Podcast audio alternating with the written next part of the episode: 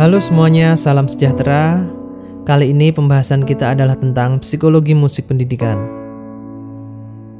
Dari judul dan kalimatnya tentang psikologi musik pendidikan, sebenarnya akan ada banyak hal yang bisa dibahas menyangkut elemen substantifnya.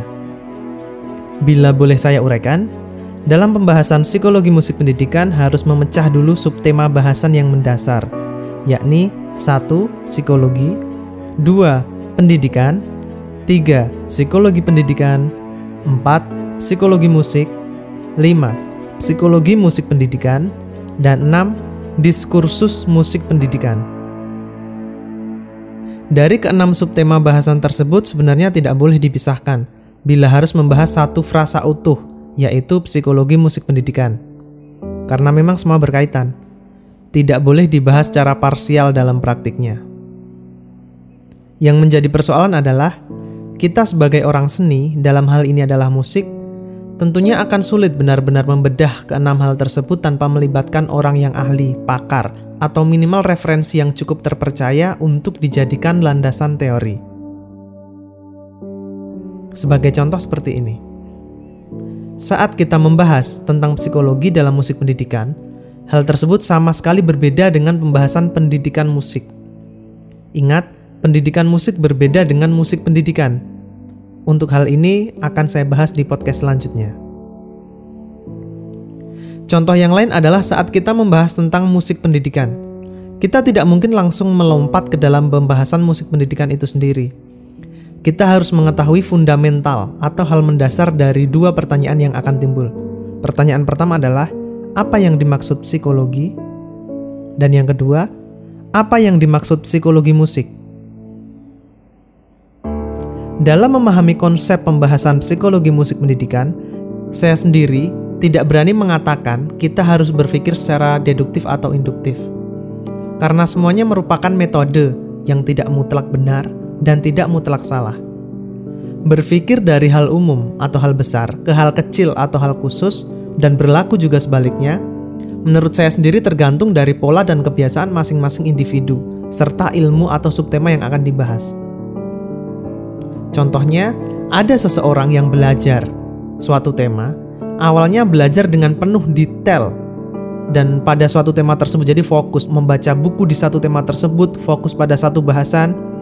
Kemudian setelah dirasa cukup, baru seseorang itu mencari referensi atau jurnal yang berkaitan namun ada juga kasus seseorang yang awalnya tidak tertarik pada satu subtema, pada satu ilmu.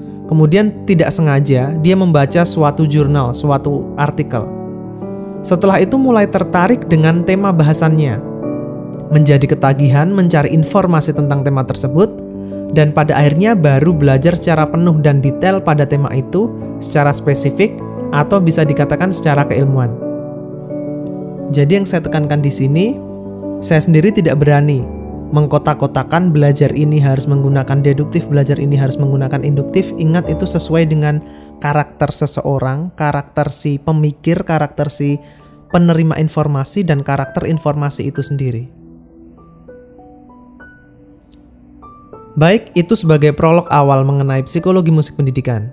Jangan dijadikan acuan, karena sekali lagi saya tidak menggiring opini bagaimana seharusnya kita merespon setiap tema bahasan atau dalam hal ini setiap mata kuliah. Karena pendekatan setiap orang berbeda, metode setiap dosen pun berbeda. Yang jelas, untuk dapat memahami karakter suatu tema atau ilmu, metode dan pendekatan adalah pilihan. Namun, goal atau tujuannya adalah sama, yakni kita berusaha memahami. Baik, masuk pada sub bahasan pertama yaitu psikologi. Pengertian mengenai psikologi ada banyak. Bisa dicari dari berbagai referensi. Namun dari segi etimologi atau bahasanya, psikologi berasal dari kalimat Yunani yang artinya psyche, jiwa, dan logos, ilmu atau pengetahuan. Jadi bisa kita simpulkan ya, psikologi adalah ilmu yang mempelajari tentang jiwa, baik mengenai macam-macam, gejala, perilaku, proses, ataupun latar belakangnya.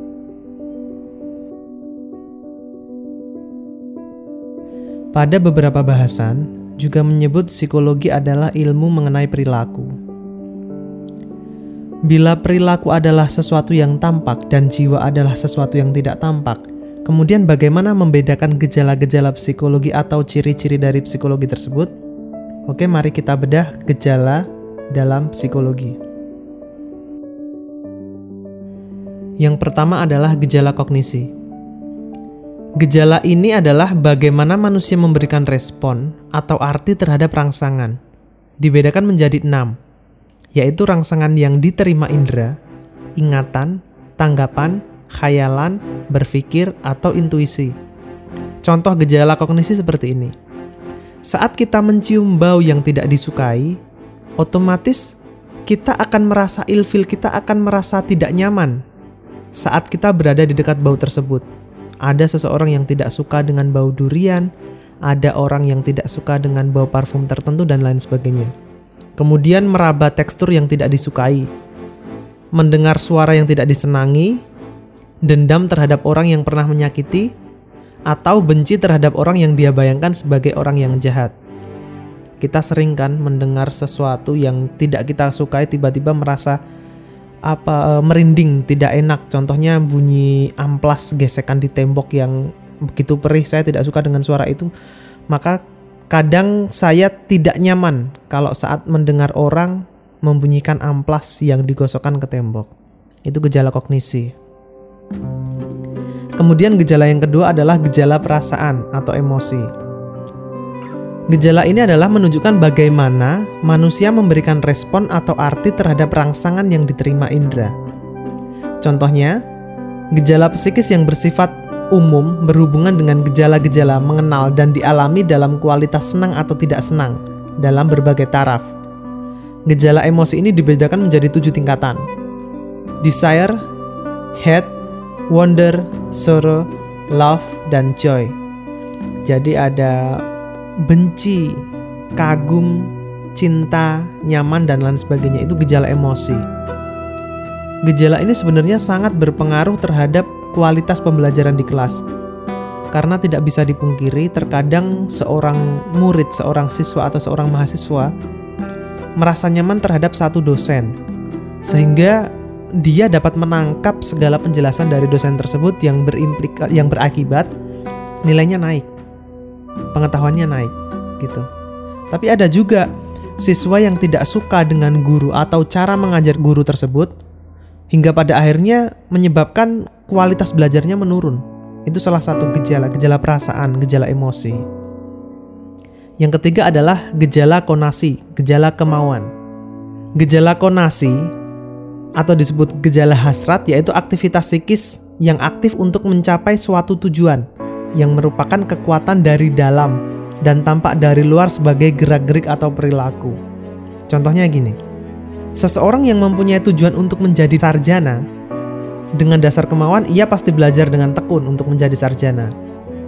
Walaupun mungkin juga sambil bekerja, namun tujuannya tetap satu, menjadi sarjana. Itu contohnya. Gejala kemauan dibagi menjadi tujuh, yaitu dorongan, keinginan, kecenderungan atau tendensi, hawa nafsu, hasrat, dan refleks, automatisme, dan insting. Faktor yang mempengaruhi kemauan di antaranya adalah fisik, materi, lingkungan, dan kata hati. Jadi, um, yang membedakan, terkadang yang membedakan manusia dengan binatang itu gejala ini, gejala konasi, gejala kemauan. Kita sebagai manusia tentunya harus dapat menghandle, mengatur bagaimana gejala kemauan itu akan disalurkan. Contohnya hawa nafsu, kalau kita sebagai manusia yang bermoral, tentunya akan menahan sesuai dengan norma yang kita yakini, norma adat ketimuran dan norma agama. Berbeda dengan hewan ya, saat dia mengalami gejala kemauan kognasi yang sangat tinggi, maka siapa pun betinanya, dia akan menyerang. Terkecuali di hewan-hewan tertentu yang dia memang terkenal setia dengan satu pasangannya. Gejala kemauan ini adalah um, salah satu alasan anda mendengar podcast ini karena Anda ingin belajar tentang psikologi musik pendidikan, bagaimanapun caranya ada materi dipelajari, ada tugas dikerjakan dan lain sebagainya. Gejala kemauan itu akan tampak dalam gerak-gerik dan perilaku. Ciri-cirinya gejala kemauan adalah dorongan dari diri manusia. Gejala kemauan ini berhubungan erat dengan tujuan.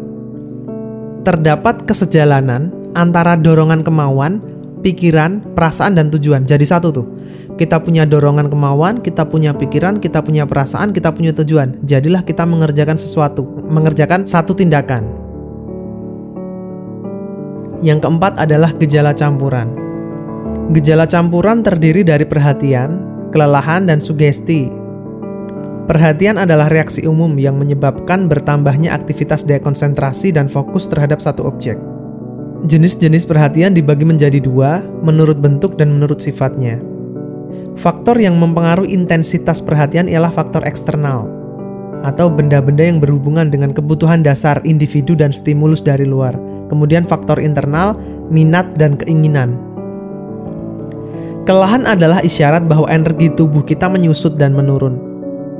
Sugesti adalah pengaruh yang berlangsung terhadap kehidupan psikis dan segenap perbuatan kita baik perasaan, pikiran maupun kemauan yang dapat kita gerakkan atau dapat kita kuatkan. Kita sering mendengar kalimat tentang orang yang mudah terkena sugesti. Sugestif sendiri adalah orang yang memiliki daya pengaruh terhadap orang lain. Jadi, terkadang saat gejala campuran ini muncul, kita dapat dipengaruhi dengan mudah Biasanya dianggap kasus ini adalah kriminal hipnotis, seperti semacam magic atau ilmu sihir lah. Tapi menurut ilmu dari psikologi, hal tersebut adalah kelelahan atau kurang konsentrasi. Kemudian ada salah satu sugestif, yaitu orang yang pintar mensugesti tersebut dapat mempengaruhi orang dan terjadilah kasus hipnotis tersebut. Namun kasus sugestif sebenarnya tidak terjadi hanya pada orang yang kelelahan. Dalam orang yang dalam pikiran sadar pun dapat sekali kita tersugesti. Ini dikerjakan oleh agen-agen periklanan. Bagaimana mereka membuat gejala campuran yang ada dalam jiwa kita itu teraduk-aduk sehingga kita akan mengikuti apa kemauan si pengiklan. Iklan yang sangat kreatif sehingga kita ingin mencoba produk atau jasanya. Kemudian orang yang menjual barang dengan kalimat yang luar biasa, dengan penjelasan yang sangat detail dan mengasihkan, itu salah satu contoh um, permainan marketing. Oke, itu tadi pembahasan kita tentang psikologi dan gejala dalam psikologi. Ada empat gejala. Mohon maaf bila ada kekurangan atau kesalahan kata karena memang basic akademi saya bukan di psikologi namun kita berusaha bersama-sama belajar, berdiskusi dan membedah apa ini psikologi musik pendidikan dan bagaimana implikasinya terhadap kualitas kita sebagai seorang seniman, entrepreneur, ataupun sebagai seorang pendidik. Terima kasih, selamat beristirahat.